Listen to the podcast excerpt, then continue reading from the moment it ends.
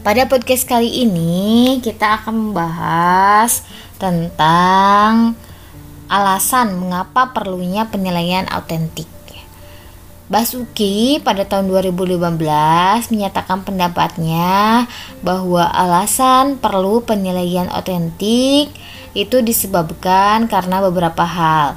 Untuk yang pertama, keinginan pihak terkait dengan pendidikan atau stakeholders pendidikan untuk menyoroti sifat-sifat konstruktif dari pembelajaran dan pendidikan.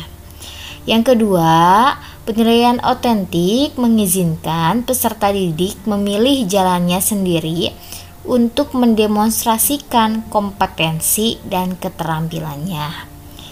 Yang ketiga, penilaian otentik mengevaluasi seberapa efektif siswa secara langsung mampu menerapkan pengetahuannya dalam berbagai jenis tugas.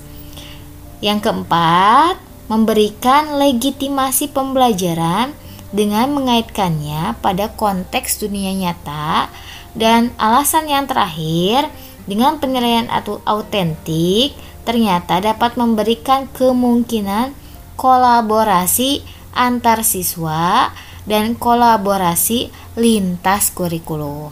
Terima kasih. Cukup sekian alasan tentang perlunya penilaian autentik pada pembelajaran di sekolah dasar.